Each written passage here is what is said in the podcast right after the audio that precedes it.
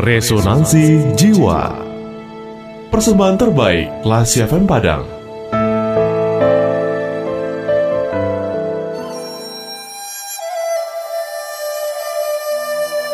Kesalahan yang harus dibayar mahal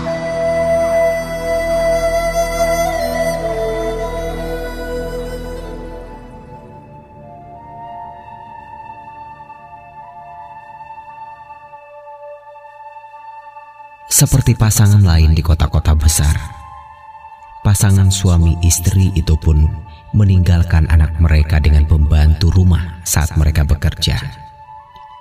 Anak tunggal keluarga itu seorang perempuan berusia tiga setengah tahun.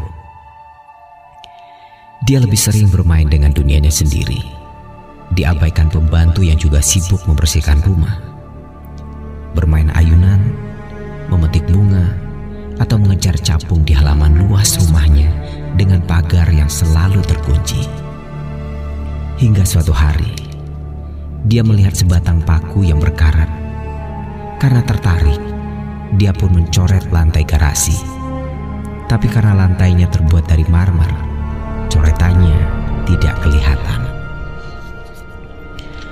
Tanpa putus asa, Coretan itu pun ia pindahkan ke mobil ayahnya yang baru datang sebulan lalu. Mobil mewah berwarna hitam. Coretannya pun tampak jelas. Dan itu tentu saja membuat ia gembira, sehingga dengan tanpa lelah dia tarik lagi garis demi garis, sehingga garis putih terpapar sepanjang mobil itu. Papa dan Mama pasti akan senang melihat gambar yang Tita bikin. Pikir dalam otak kecilnya. Setelah penuh coretan sisi sebelah kanan, dia kemudian beralih ke sebelah kiri mobil. Dia gambar lagi wajah ibu dan ayahnya. Gambarnya sendiri, lukisan ayam, kucing, dan entah apa lagi, sesuai dengan imajinasinya. Kejadian itu berlangsung tanpa disadari oleh si pembantu rumah tangga. Ketika menjelang sore, orang tua Tita pulang dari bekerja dan terkejut melihat mobil yang baru dibeli dengan kredit itu penuh dengan goresan.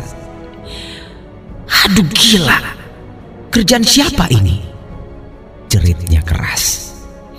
Pembantu rumah yang tersentak dengan jeritan itu berlari keluar. Wajahnya merah padam ketakutan saat melihat wajah tuannya. Sekali lagi, dia mendengar pertanyaan itu dengan gugup dan menunduk. Ia menjawab, "Saya tidak tahu, Pak." "Tidak tahu? Kamu di rumah ini sepanjang hari. Apa saja yang kamu lakukan?" Hardik majikannya yang wanita. Si anak yang mendengar suara ayahnya tiba-tiba berlari keluar dari kamarnya.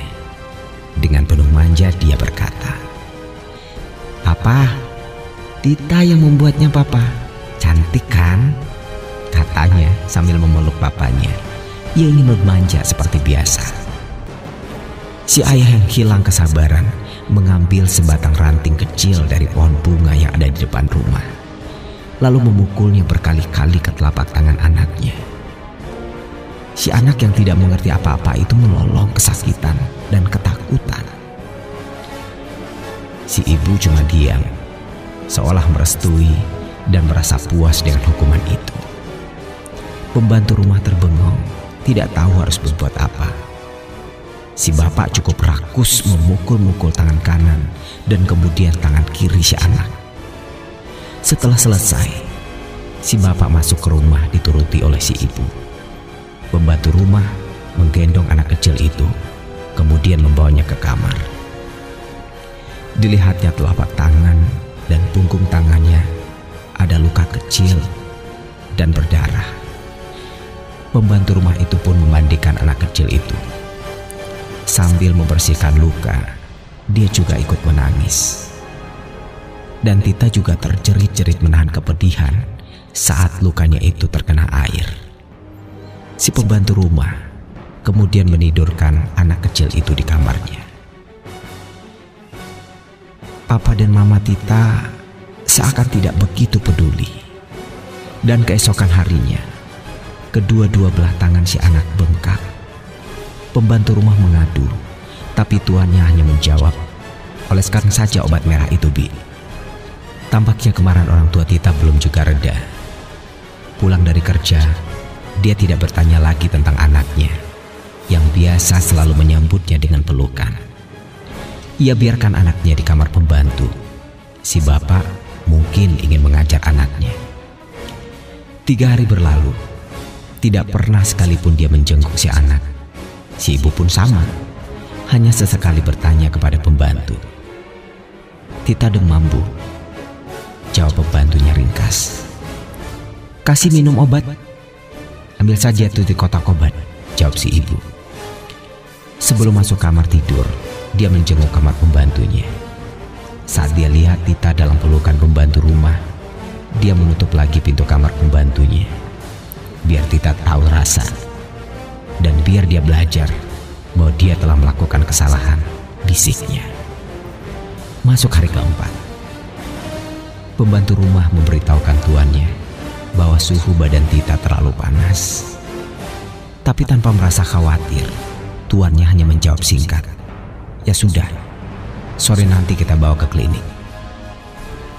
Sore itu, Tita pun dibawa ke dokter. Tapi dokter klinik langsung merujuk ke rumah sakit karena keadaannya yang kian serius. Setelah seminggu dirawat inap, dokter memanggil bapak dan ibu anak itu. Tidak ada pilihan lagi, katanya dengan suara putus asa. Dokter mengusulkan agar kedua tangan anak itu diamputasi karena gangren yang terjadi sudah terlalu parah. Lukanya sudah bernanah, sangat parah. Untuk itu, demi menyelamatkan nyawanya, kedua tangannya perlu dipotong dari siku ke bawah jelas dokter. Mendengar vonis dokter, kedua orang tua itu bagaikan terkena petir. Dunia terasa berhenti berputar. Tapi apa yang dapat mereka katakan? Si ibu meraung merangkul si anak dengan berat hati dan lelehan air mata.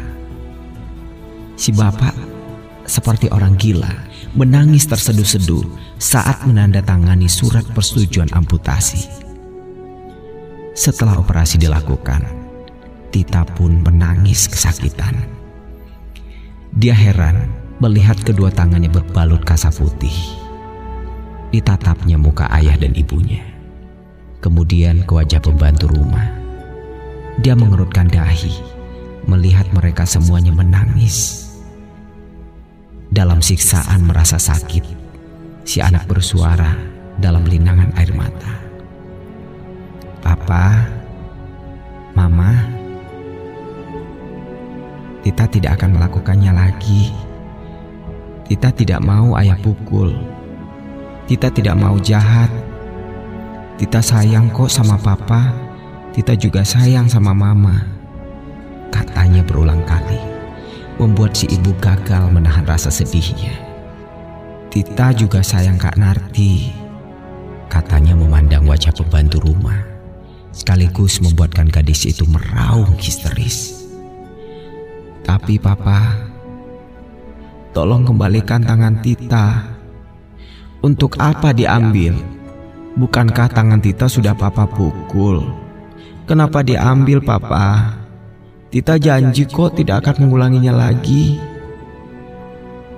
Bagaimana caranya Tita mau makan nanti papa? Bagaimana Tita mau bermain? Tita janji kok tidak akan mencoret mobil papa lagi. Tita janji, Tita janji papa. Katanya berulang-ulang kali. Mendengar jeritan buah hatinya itu, jantung si ibu terasa mau copot. Tapi yang ia lakukan adalah menangis dan memeluk anaknya. Sementara si bapak hanya diam, memandangi tangan anaknya dengan air mata yang jatuh tidak putus-putusnya karena penyesalan dan putus asa.